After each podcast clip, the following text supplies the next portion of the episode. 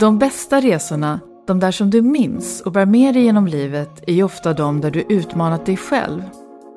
När du vågade vara modig och nyfiken och samtidigt var ödmjuk inför andras upplevelser och kände respekt för hur andra ser på sig själva och på världen. Jag heter Eva Korselewski och jag har världens roligaste jobb. Att rekrytera riktigt bra ledare. Nu ska du få ta del av några fantastiska människors ledarskapsresor där de generöst bjuder på sig själva och delar med sig av sina personliga erfarenheter och reflektioner. Varmt välkommen till Ledarskapsresan. Dagens gäst är Stefan Sjöstrand som är VD för Skistar. Stefan berättar om när han ställde Ingvar Kamprad mot väggen. Och vad är egentligen skidliftkaraoke? karaoke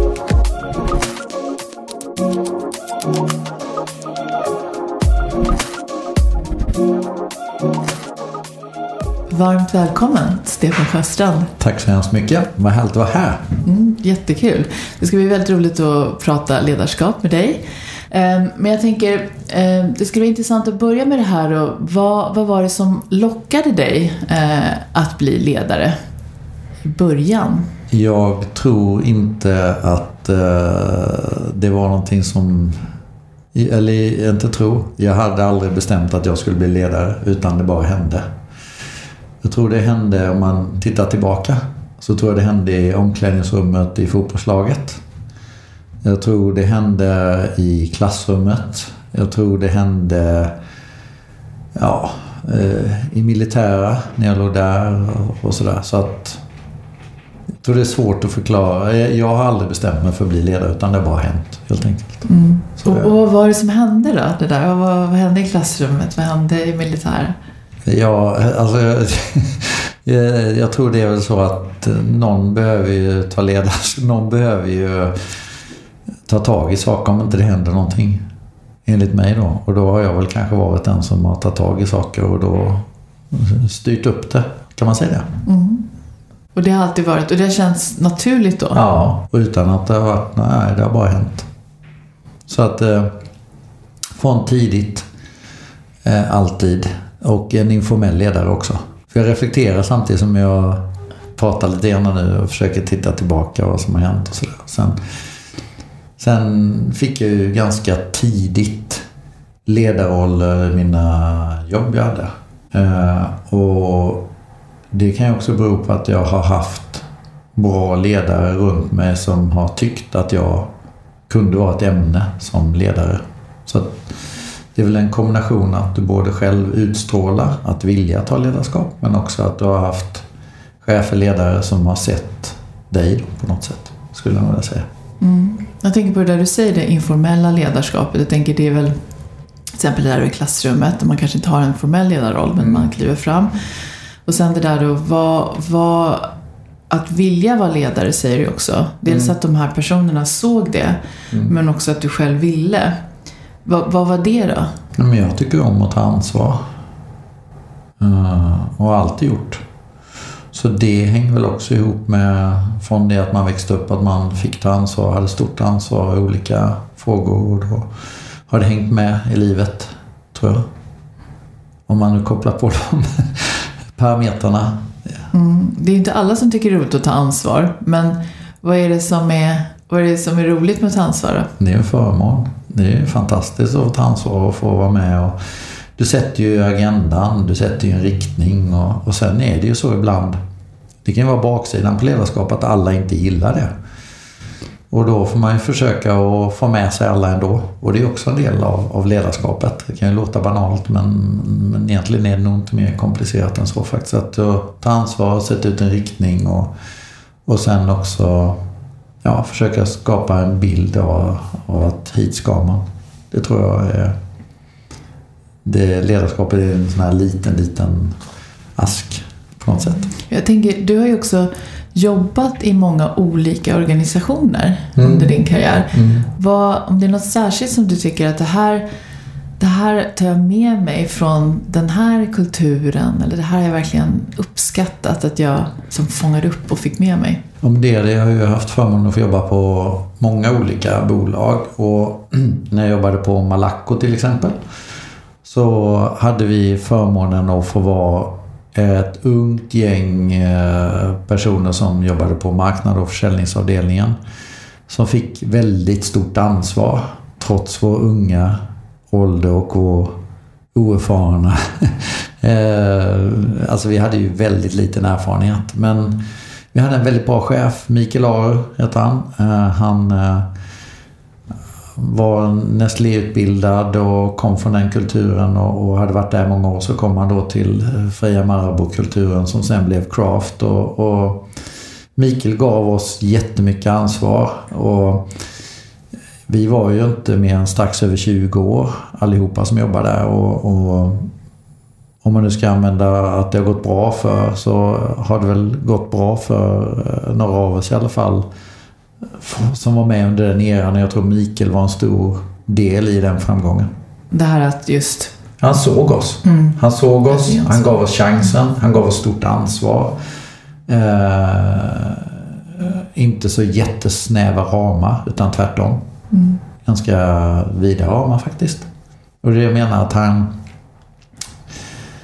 Alltså vi var ju inte så gamla. Jag försöker tänka, liksom jag är 23, 24, 25 år och eh, får ju relativt stora ansvar. Och, och, det fick ju andra också. Så eh, det hänger ju ihop med att han trodde på oss. Skulle jag vilja säga. Och vi kände det. Mm. Vi kände att han trodde på oss. Han litade på oss. Och, och klart vi levererade också.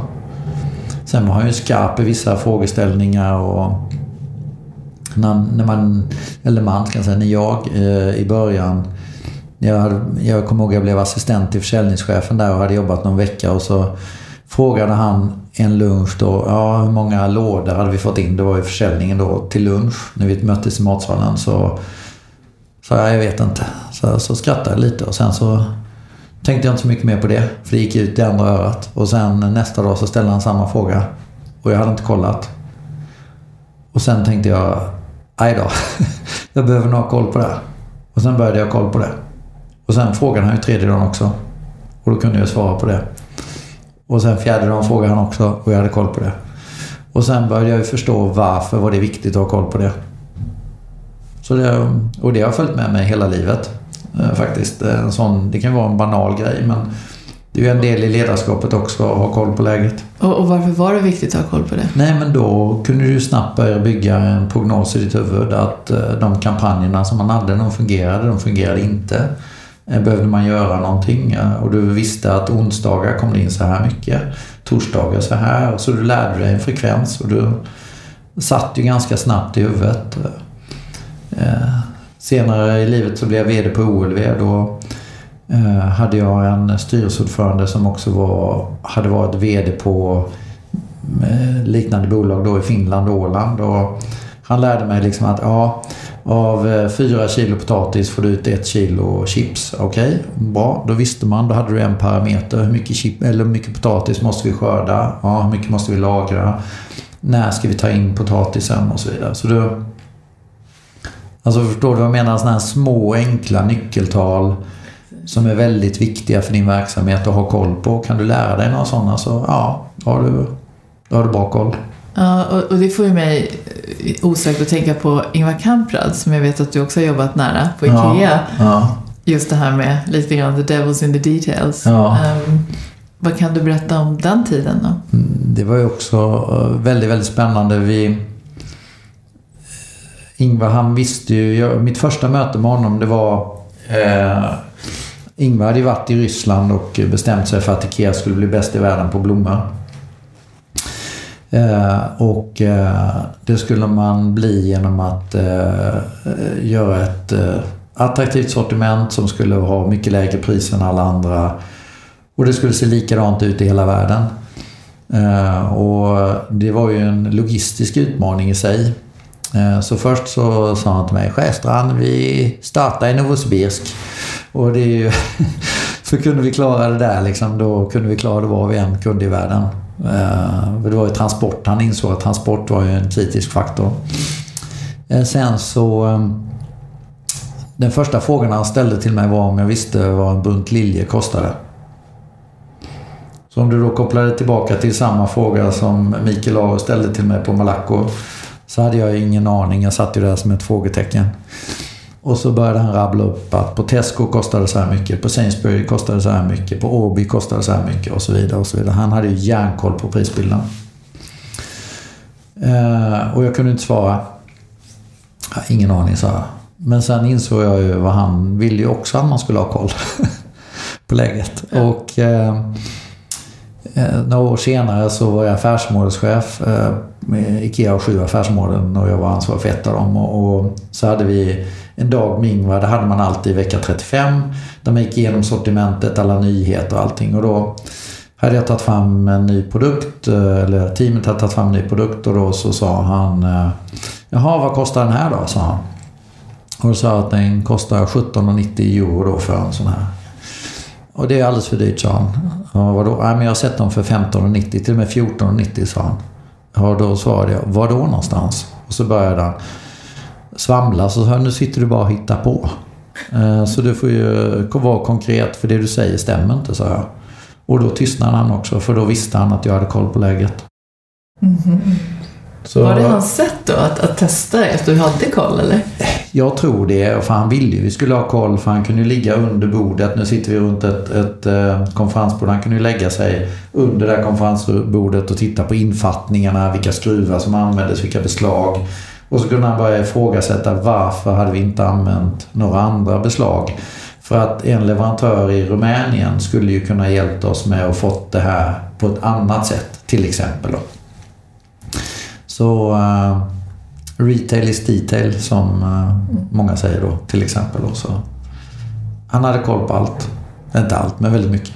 Så vad tar du med dig från, från de där åren med Ingvar Kamprad? Oh, eh, massor. Det är svårt att peka på något specifikt men jag tror nog det som jag har i grunden är att jag är en intraprenör och Ingvar var ju en entreprenör eftersom det var hans eget bolag. Men, men att, att få vara en del av den entreprenörskulturen eller intraprenörskulturen som finns på IKEA var väldigt speciellt och den tar jag med mig. Och sen också det som jag är mitt ledarskap idag också är att om, om man var med Ingvar en dag i ett varuhus så var han ju väldigt direkt med medarbetaren om eh, eh, den personen såg någonting så förväntade han sig att den personen också agerade på det. Och jag är väl lite likadan då. Att om jag besöker någon av våra medarbetare i vår verksamhet så struntar jag ju i om, om den personen har två chefer eller tre chefer högre upp. Utan jag pratar ju med den individen. Och ofta så vet ju den individen vad det är som funkar och inte funkar. Och då tar jag gärna ett samtal med den personen och då kan ju en, kan jag ju säga att ja, men, lös det då. Om du tycker att det är bättre. Och då gör jag ju misstaget att jag rundar ju kanske då en eller två chefer. Men inte för att vara elak. Utan jag vill ju hellre att ser man saker så ska man ju faktiskt kunna ha friheten att kunna få ändra på saker också. Och också göra det bättre. För uppenbarligen har ju medarbetaren sett någonting som man kan göra bättre och mer effektivt.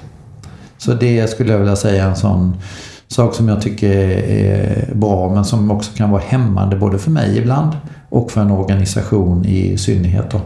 Mm. Eller i allmänhet, förlåt. Mm. Och mig i synnerhet. Och, så det är väl det och sen eh, mer om Ingvar liksom eh, att gnäll aldrig på företrädaren för den gjorde ju sitt bästa utifrån de förutsättningarna som fanns då. För det är ju så himla lätt att man hackar på chefen innan eller sådär. Men gör inte det. Finns ingen anledning. Den personen gjorde ju sitt bästa utifrån läget som var då. Mm. Så att jag tror det är väldigt eh, lätt att säga men det är inte alltid så lätt att, att efterleva det. Men det tycker jag var bra liksom eh, med skick. Mm.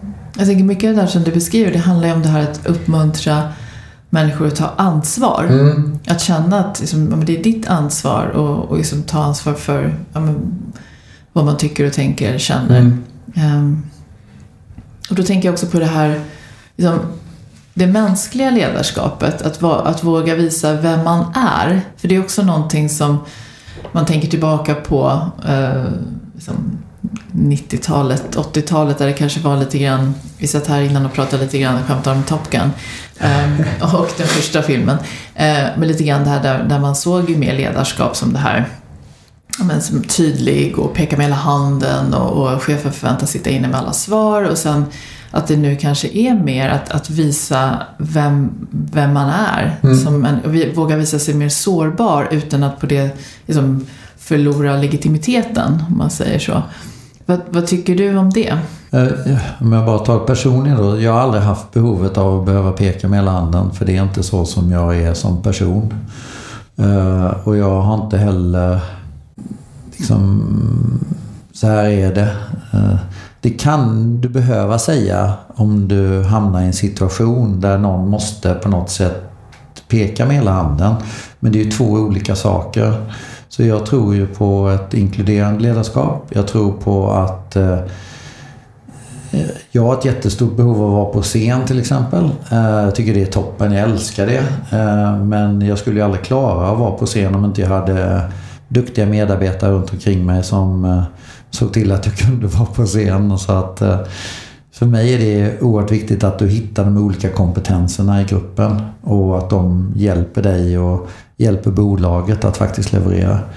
Så att eh, jag kan långt ifrån allt. Men det gäller ju att se till att du har medarbetare som kan säkerställa att du kan allt. Jag menar, när jag började på Skistar, jag kunde ju ingenting om liftar, jag hade ingen aning, inget om pistmaskiner eller någonting. Liksom. Jag hade bara åkt lift. Eh, idag kan jag mer, men jag kan fortfarande alldeles för lite för att sätta upp liftar och annat. Men jag kan tillräckligt mycket för att jag kan ställa, som jag uppfattade rätt frågor till våra leverantörer. Men jag kan ju alldeles för lite för att sätta upp en lift. Eller jag kan alldeles för lite om AI eller för lite om eh, hur vår eh, bokning går till. Men jag kan tillräckligt mycket om AI för jag är intresserad av det för att kunna ställa frågor.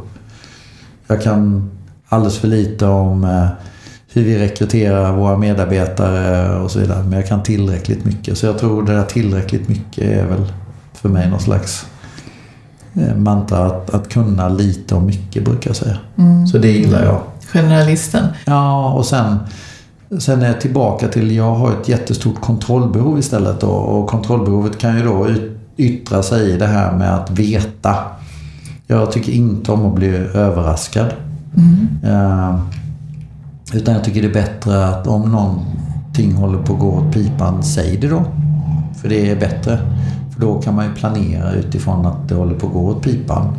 Istället för att då eh, få reda på det och när det är för sent. För att alla kan göra fel. Även jag. Eh, så att eh, det tycker jag är viktigt. Hur, hur skapar du då den, för det är någon slags om man säger så här, feedbackkultur eller högt i tak eller det här att dina medarbetare ska, ska våga säga mm. Stefan, det här höll på att gå riktigt illa nu. Mm. Eh, och sen säger du själv att du har kontrollbehov så då kanske de blir rädda då för att du ska, vad ska du reagera på det? Mm. Men hur tänker du kring det? Hur skapar du det där Ja, men, ja, men det, jag tycker det är en jättebra fråga. För, för jag hade för uh, ungefär ett och ett halvt år sedan då hade vi en sån här eh, diskussion. Vi har haft medarbetarundersökning och det kom fram eh, då i den kring mitt ledarskap då att några tyckte kanske att jag var för engagerad i vissa frågor och kopplat till det som jag beskrev innan rundade någon medarbetare och, och det finns ju inget för mig eh, elakt eller någonting att, att leta fel på någon utan snarare tvärtom att uppmuntra någon då att, att ta ansvar istället. Så idag gör jag så att om det skulle vara så att du och jag träffas och, och jag ser någonting eller du säger någonting till mig och, och jag svarar men då tycker jag du kanske ska göra det. Eller kolla med din chef först och då ringer jag också till den chefen direkt efteråt och säger du jag träffade Eva. Hon, jag tyckte hon hade en jättebra idé. Eh, men det får ju du avgöra om du tycker den är lika bra som eh, hon och jag tyckte. Så det sätter mig lite elak press kanske. Men, men, men, jag, men jag rundar inte Thomas då i det fallet. Utan då, då säger jag till honom att så här, så här eh, har hänt idag. Liksom. Så att jag försöker att lära mig utav det där då. Och bli lite mer eh, ja, vaken kan man säga då på när, när den typen av saker sker. Det gör ju också att många inte alls, upplever inte alls det på det sättet. Vad jag hoppas i alla fall. Det kan ju vara så att det har ändrat sig men jag tror inte det. Men det är så här, nyfikenheten, engagemanget men att det då inte får ta överhanden på något Nej, sätt. precis. Att Det, Och sen försöker jag ju köra vloggar varje vecka till vår personal. Gör Korta videosnuttar där jag... mm, Vi har kommit fram till att vi ska eh, göra en ny version på den i år. Stefan möter, kommer vi kalla det då. Istället för att innan så har jag mer ad hoc liksom. Tagit in medarbetare på... Och frågat dem, ställt frågor och ungefär som det du och jag diskuterade. Då kan jag snabbt upp med telefonen. Eva, vad tycker du om det här då? Så har det gått ut i, i våran interna eter då och sådär. Eh, och gör det lite mer planerat att Stefan möter Eva och så att vi kanske pratar kring någon av våra värdeord tillsammans kanske då till exempel. Och sånt. Mm. Så det pratade vi om igår eh, med vår internkommunikation och gör sådär. Så det skapar ju också den här vloggen att eh, jag är ganska öppen och eh, ja, tillgänglig skulle jag säga då. mm, det låter ju kul idé. Verkligen. Ja, men jag tyckte Ja. det var jättebra. Det var Ja. från eh, Ida som jobbar med vår internkommunikation som kom med den idén. Och det tyckte jag lät jättebra. Blir Och lite mer levande, lite Ja. mer... Direkt så såg jag James Gordon framför mig när jag satt uh, Carpool Karaoke. Nej. Nej då, men, nej då, men eh, jag tyckte det lät bra faktiskt. Så att, eh, det känns som en, Mm. en bra fortsättning på vloggandet då. Ja, kanske ska köra lite carpool Ja, exakt. Eh, Eller kanske i Lift- skidbacken. Ja, lift- precis. liftkaraoke. Liftkaraoke. Ja, Ja, det är jättebra. Det, det blir det. Liftkaraoke. Ja. Ja. Utvecklar Idas fina idéer. Ja. Men på tal om det då. Som Ida och andra av dina medarbetare. När, när du, vi pratade lite grann om det också innan det här rekrytering till exempel. Så Mm. när, när du, om du ändå ser någonting om, om liksom, när du har rekryterat medarbetare under året som verkligen har blivit, det har blivit riktigt bra. Ja. Och det är såklart att jag tänker inte på liksom, olika erfarenheter men just egenskaper. Där Mm. du kan se så här, men det här är, det är, det är väldigt framgångsrikt. Vad är det du letar efter då? Jag tror att eh,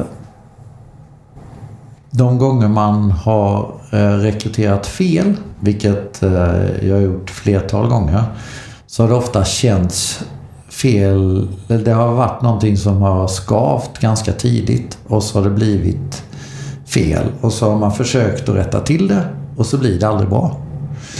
Eh, de gånger det har lyckats rätt har det känts rätt i magen. Och, och vad det är som känns rätt i magen är väldigt svårt att ta på. Men i mitt fall så tycker jag om människor som brinner för det de håller på med. Jag söker ofta människor som har ett, eh, ett högt engagemang. Och sen kan det bero på vad det är för typ av roll. Men just det här engagemanget och jag brukar säga att det ska synas i ögonen på de här människorna. Då, då det, och att det känns rätt i magen. Det är bra. Och jag tänker på om du skulle ge någon, om det är någon som lyssnar på det här nu, Mm. den här podden och tänker så här. Jag har funderat lite grann på om jag, om jag vill bli ledare, om Mm. jag ska gå, gå in på som ledarskapsspåret. Vad, vad skulle du vilja ge för, för tips och råd? Bara lite generellt, allmänt sådär. Som ledare vet jag inte. Det, jag tror det känner man kanske själv om man vill eller inte vill. Men jag rekommenderar ju alla att skaffa sig en eller två mentorer. Kanske tre också. Eh, För att genom ett mentorskap, ett aktivt mentorskap så får du ju väldigt mycket eh, hjälp på vägen. Eh, tror jag. Och en bra mentor ger dig inte alltid alla svaren men ställer väldigt bra frågor. Och eh, jag har haft förmånen att ha bra mentorer i livet som har hjälpt mig. Och det har ju också kanske då gjort att man har vågat fatta vissa beslut eh, faktiskt åt det ena eller andra hållet. Så eh, inga bra tips kanske på om jag vill bli ledare eller inte men skaffa sig ett bra bollplank då. Det här då, om du skulle gett dig själv kunna gå tillbaka i tiden, som i Back to the Future, och, eh, och sen på något sätt ge dig själv råd Mm. i ditt ledarskap, i din karriär och Mm. främst. Vad skulle du, finns det någonting som du ser så här, det där önskar jag att jag hade vetat eller? Alltså när jag, jag började jobba väldigt, jag jobbade, började jobba direkt efter gymnasiet för att jag skulle bli polis Och så fick man ju vänta på min tid på att göra lumpen. Och då i den eh, familjekultur som jag var uppvuxen i så var man tvungen att ha ett jobb och kunna försörja sig. Och därför så jobbade jag ju fram tills jag ryckte in i, i lumpen då. Medan många av mina polare de åkte runt och reste. Och då på den tiden fanns ju inga mobiltelefoner, så gammal är jag. Eh, och eh, då eh, ringde de sån här collect call. Och då ringde de ifrån Australien. Ah, Sjöstrand. Uh. Spännande samtal. Ja, jättespännande samtal liksom. Och då, are you ready to pay all the charges? Och man vaknade mitt i natten och ringde ifrån Australien eller Thailand eller vad det var någonstans och bara ja, oh, yes, yes. Liksom. Och så visste man att det var ju det var egentligen ganska icke innehållsrika samtal och konversationer men eh, eh, det var i alla fall en, eh, en, en, bevis på att man hade vänner någonstans på andra sidan. Så att, att rest mer skulle jag nog vilja ha gjort faktiskt. Kanske tagit lite mer chill i början. För att jag, jag har ju egentligen jobbat då i hela mitt liv från det att jag var 18 år. Idag är jag 55. Så jag har aldrig haft någon paus liksom eller mer än vanlig semester och sådär. Medans Eh, mina barn har studerat, vilket jag har uppmuntrat dem att, att göra. Vad? Det har varit upp till dem helt och hållet. Men att studera. För det gjorde ju inte jag eh, på det sättet heller. Utan jag studerade senare i livet. Eh, och det gjorde jag också på grund av att Mikael på Malaco sa till mig att vill du ha det här jobbet måste du börja plugga. Vilket jag också gjorde då. Så att jag tror att ja, råd på vägen. Eh, du, du ska jobba hela livet, ha inte så bråttom. Är väl ett råd. Skaffa en mentor är väl ett annat råd. Plugga är väl ett tredje och vad du pluggar det är upp till dig liksom vad du brinner för. Men gör det för det är, det är hård konkurrens där ute och då är det bra att ha någonting att stå på. Kloka råd, tycker jag också. Mm. Um, om man tänker då, om vi spinner vidare lite grann på det här med de här positiva delarna och det, vad är det som gör dig riktigt, riktigt glad? Oh. Att du känner dig lycklig? Du som jobbar så hårt. Lycklig? och inte reslig i ungdomen. Nej, men det finns ju massor med saker som gör mig lycklig och glad. Dels så är det ju för två veckor sedan när Stina, min yngsta dotter, fick sitt körkort. Eh, gjorde mig jättelycklig. Eh, när i söndags så frågade jag min son om han ville ett, gå på AGs och äta kött. Två, beställa hem revben ifrån Hard Rock och äta hemma. Eller tre, äta falukorv och makaroner. Och han valde äta falukorv och makaroner.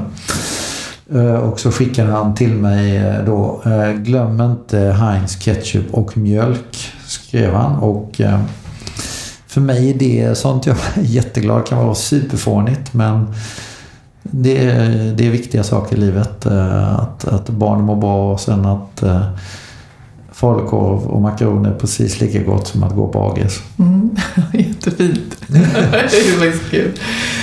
Vad, eh, men och på jobbet då? Kan du bli så lycklig där också? Ja, ja, det är jag ständigt faktiskt. Det kan vara olika saker. Igår var jag jättelycklig. Jag var i Sälen och i Trysil. Eh, jag var först på eh, Eh, och träffade, var på kontoret och träffade många medarbetare. Jag hade inte varit där på ett tag. Jag hade inte varit där sedan augusti. Så jättekul. Sprang runt och hejade på alla. Och så satt vi i kafferummet lite och snackade. Det gjorde mig lycklig och glad. Det var inte så mycket men det gjorde mig glad. och träffade många. Eh, sen var jag och träffade Kalle som håller på eh, som ansvarar för driften i, i Sälen.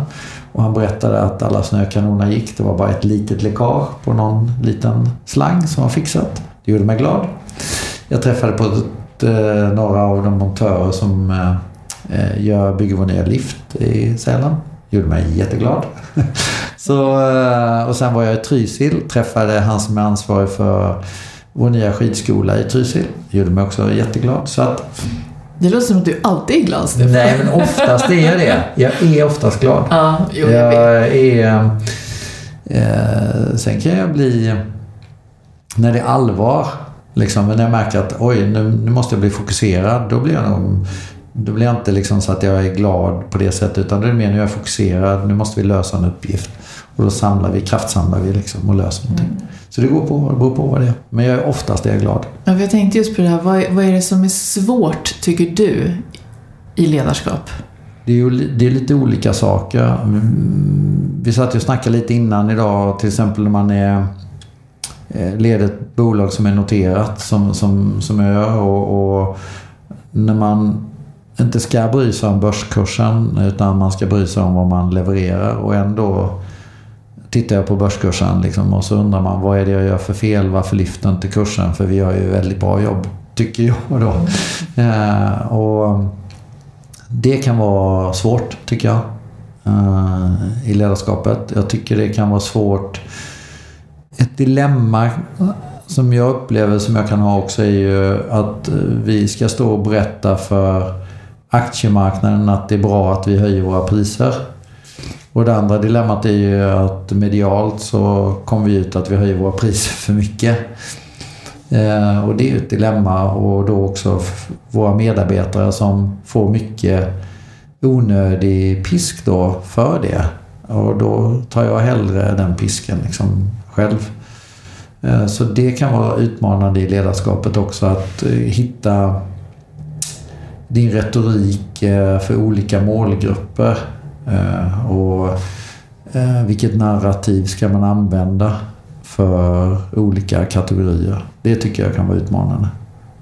Och hur hittar du tillbaka till en liksom, positiv energi eller att du känner att, att du kan må bättre när det är sådär liksom, lite pressat och jobbigt och svårt? Mm, jag, jag brukar ju försöka checka ut. Eh, och sen eh, en av mina mentorer, Jörgen, som, som är 75 år, han, har- han har sagt till mig att för jag frågade honom lite grann för jag behövde feedback och, på mig själv och sådär. Och då så fick man ju det som man kunde bli bättre på och det som han tyckte då var bra. Och en av de grejerna som han tyckte var en av mina unika egenskaper det var att jag hade väldigt snabbt att eh, ladda om.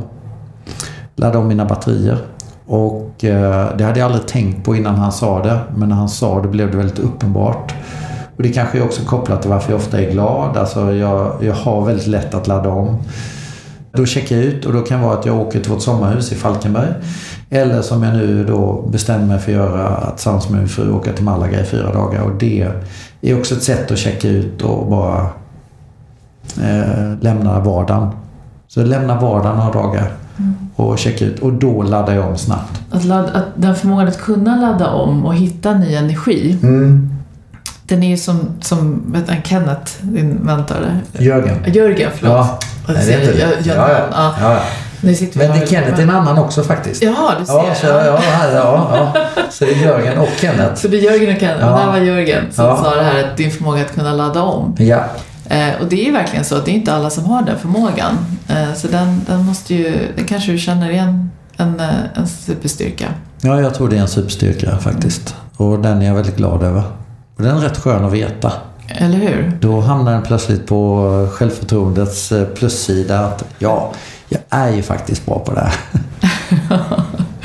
Vad, vad, eh, finns det något sådär, någon, någon riktigt tuff motgång eller misslyckande som du, som du kan berätta om här? Eh, och, och mer så här lärdom, det är alltid intressant med lärdomar dragna. Ja, misslyckanden har man ju massor liksom. Men, men, och, och, och de blir ju lärdomar. Och jag tycker det var ju fantastiskt på IKEA till exempel att eh, eh, Don't ask for permission, ask for forgiveness. Den var ju, jag älskar den och, och jag försöker ju. Det är den som är lite grann kopplad till det jag försökte beskriva innan med att eh, inte ha något ont uppsåt utan faktiskt be inte om lov. Bara, be hellre om ursäkt, bara kör. Eh, men jag tycker på IKEA fick man ju göra fel liksom. Och det är okej att göra fel. Men gör inte om samma fel två gånger. För då är det liksom gång, gång. Eh, och eh, jag har gjort några fel och jag vet ett fel jag gjorde på IKEA som jag blev internt, eh, de drev med mig för därför att jag blev ansvarig för att utveckla. När jag var affärsområdeschef då så ansvarade vi också, ville man, IKEA bestämde sig för att utveckla ett jättestort sortiment på utemöbler och bli jätteduktiga på det. Och då fick jag ansvar för att dra igång det. Och eh, så har IKEA ramar för hur mycket man får köpa in. Och de är ju just för att man ska bygga för höga lager. Men eh, jag tyckte att eh, hallå, ska vi satsa så får vi satsa ordentligt. Så då får vi gå utanför de här ramarna. Och då fick jag ju lov att göra det. Och då sa han som var chef, Tobbe Lööf, så han sa ja men du får ju köra på säkra kort liksom. Ja, ja, ja, sa jag då. men jag, jag tror jag körde på mer än säkra kort. Så vi, i kombination med att det var den kallaste våren i mannaminne 2010 det var ju snö ifrån eh, november till eh, april. Eh, så, så det i kombination med att jag köpte möbler för eh, 50 miljoner euro mer än vad jag fick. Så det var väl en sån där dålig kombo. Men det var väl inte så mycket mer med det medan eh, alla som jobbar med logistik och lager de häcklade ju mig ständigt för att det fanns eh, bra mutmöbler på lager. Men många andra struntade i det. Så det var ju ett misstag som jag lärde mig att kanske inte vara för optimistisk. Liksom. Uh, ah, fasen, nu drar vi på tänkte jag. Men, så det var väl en sån här grej. Uh, det finns ju många andra saker också. Men, men största lärdomen så här, jag tror ju när jag började på Skistar så började jag ju den 2 mars 2020. Eh, och eh, den 12 mars 2020 så bestämde sig norska regeringen för att stänga skolor, badhus men också skidanläggningar. Så det innebar ju att jag fick gå ut och vinstvarna eh, till marknaden eh, efter eh, bara en dryg vecka på jobbet. Och sen under ytterligare tre veckor till så var det en intensiv medial debatt om att faktiskt Skistar hade tagit covid till Sverige. Det var vårt fel om inte du visste det va? Men nu vet du det. Enligt media i alla fall. Och det var ju väldigt utmanande för att jag kom ju ny då. Jag hade inte jobbat i Sverige på 14 år. Jag hade bara jobbat på IKEA och det är ett stort bolag. Man blir uppslukad internt. Så jag hade inget nätverk i Sverige eller Norge. Så jag var väldigt ensam. Jag kände ju inte min ledningsgrupp. Jag kände inte styrelsen. Och så plötsligt började bankerna ringa. Folkhälsomyndigheten ringde. Media ringde. Så det var ganska kaosartat skulle jag nog vilja beskriva det som faktiskt. Och krisens lampa lös överallt. Så det skulle jag nog vilja säga är eh, det tuffaste som jag har varit med om. Eh, faktiskt om jag skulle få säga något sånt där, någon särskild situation. Liksom. Det låter ju sjukt intensivt. Ja, det var väldigt intensivt och det hände grejer hela tiden. Liksom. Det var ju precis som att när man hade slått iväg en serv så fick man tillbaks den stenhård backhand liksom. Och sen när man lyckades parera den så fick man en smash liksom. Uff kommer hela tiden. Jag tror vi alla upplevde ju den här tiden som det var så jobbigt för det var så osäkert allting. Att man ja. inte visste liksom, när kommer det vara över, när kommer det bli mer normalt, hur ska vi anpassa oss och så vidare. Men då, vad, vad kände du? Det här förhoppningsvis vi vet inte nu om vi ska vara lite negativa här, men förhoppningsvis så, så kanske det inte händer omedelbart igen, en pandemi. Men dina, liksom, vad är lärdomar då från en sån här, det är ju en väldigt unik situation förhoppningsvis. Det finns massor med lärdomar tror jag. Eh, dels så tror jag att allt löser sig. Det är ju en eh, lärdom. Eh, en annan är ju att du klarar mer än du tror. För när du liksom är uppe i max så kan du lägga in två växlar till. För om någon hade talat om för mig innan att så här kommer det bli då hade jag aldrig tagit det här jobbet. Jag hade aldrig klivit på. Jag hade aldrig, aldrig, aldrig liksom. Men efterhand så visar det sig att du klarar så mycket, mycket mer än vad du faktiskt tror. Så det skulle jag nog vilja säga. Eh, lärdom tre kan ju vara att eh, våga ta initiativ. Eh, sitt inte i baksätet. Vi hade ju med en liten gnutta tur eh, lyckades vi ju få ha öppet på våra anläggningar trots att det var pandemi. Och det skulle jag vilja säga berodde på en väldigt nära dialog med Folkhälsomyndigheten. Hade vi inte haft det så hade vi inte kunnat haft öppet. Och jag är väldigt tacksam för att eh, de personer som jobbar på Folkhälsomyndigheten också var så otroligt öppna och också ville dela med sig för att göra vår verksamhet bättre. Så det ledde till väldigt fina dialoger, skulle jag vilja säga. Och väldigt fina samtal. Och också väldigt mycket lärdom där de tipsade oss. Och vi tog faktiskt fasta på eh, deras tips och idéer. Och det skapade också vänskap eh, som jag tycker var fantastisk. Eh, I Dalarna hade vi en smittskyddsläkare då som hette Anders Lindblom. Och eh, han blev ju senare då tillfällig efterträdare till Anders Tegnell. Anders Tegnell gick i, i pension. Och det var så himla härligt. Och när sen Anders skulle gå i pension, Lindblom skulle gå i pension, då skickade han liksom ett långt jättefint meddelande och tackade för samarbetet och hur vi tillsammans faktiskt hade gjort jättemycket saker under pandemin.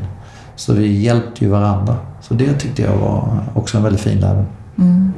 Kul att höra att, att en myndighet ligger så nära näringslivet, som en affär och, och, och eh, liksom samhället i stort ska man ju göra. Men, men det var ju väldigt kul att höra. Ja, det var makalöst. Och, och jag måste säga faktiskt, jag hade nyligen för Eh, bara en månad sedan träffade jag vår infrastrukturminister eh, Andreas Karlsson och eh, jag hade ju laddat upp med massor med argument hur dåligt allt är och, och bland annat Trafikverket vill jag ju hacka på lite då som inte kan släppa några tågtider då till våra resenärer som gärna vill åka tåg till Åre till exempel.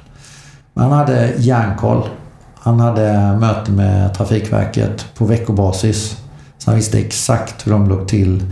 Mm. Och det uppskattar jag när man liksom inte spelar på höga hästar utan faktiskt tvärtom ligger nära. Så att jag tycker två bra exempel. Folkhälsomyndigheten där vi hade veckomöten med, med myndigheten och fick tips och bra idéer. Och eh, även nu då eh, Andreas i, i, i det fallet. Så det är väl någonting som jag sätter värde på. Kul. Det är alltid roligt med goda samarbeten och att man faktiskt, att det blir någonting, något konstruktivt ja. Eh, tillsammans. Ja. ja. Kul. Det är säkert mycket av det, jag tänker på det du gör, hur du är som person också som bidrar till det. Mm, kanske. jag misstänker det lite grann. Men eh, jag tänker, är det någonting som du tycker att jag borde ha frågat dig om Stefan? Jag tycker vi har haft ett väldigt roligt samtal. Det är massor ju. Ja. Jag vet, vi skulle kunna prata hur länge som helst. Ja. Men jag har haft en jättefin eh, resa i livet. Jag har haft förmånen att få jobba på fina bolag. Jag har haft förmånen att ha fina chefer och ledare, förebilder. Jag har haft förmånen att få leva och bo utomlands. Eh, så att eh, mina barn har också haft förmånen att få både leva och bo utomlands och sen också utmaningen att kanske då inte ha någon fast punkt i livet då. Men totalt sett så känner de sig trygga med det de har fått uppleva idag, vilket har varit eh, väldigt viktigt såklart när man försöker summera. Sen hoppas jag inte att min karriär är slut ännu i alla fall, utan jag har några år kvar. Men det tror jag att man faktiskt ska vara tacksam i livet lite grann för man faktiskt får vara med och uppleva. Man glömmer bort det ibland. Härligt att höra. Ehm, då säger jag jättestort tack Stefan. Det har varit väldigt roligt att få prata ledarskap med dig. Tack så mycket för att jag fick vara här.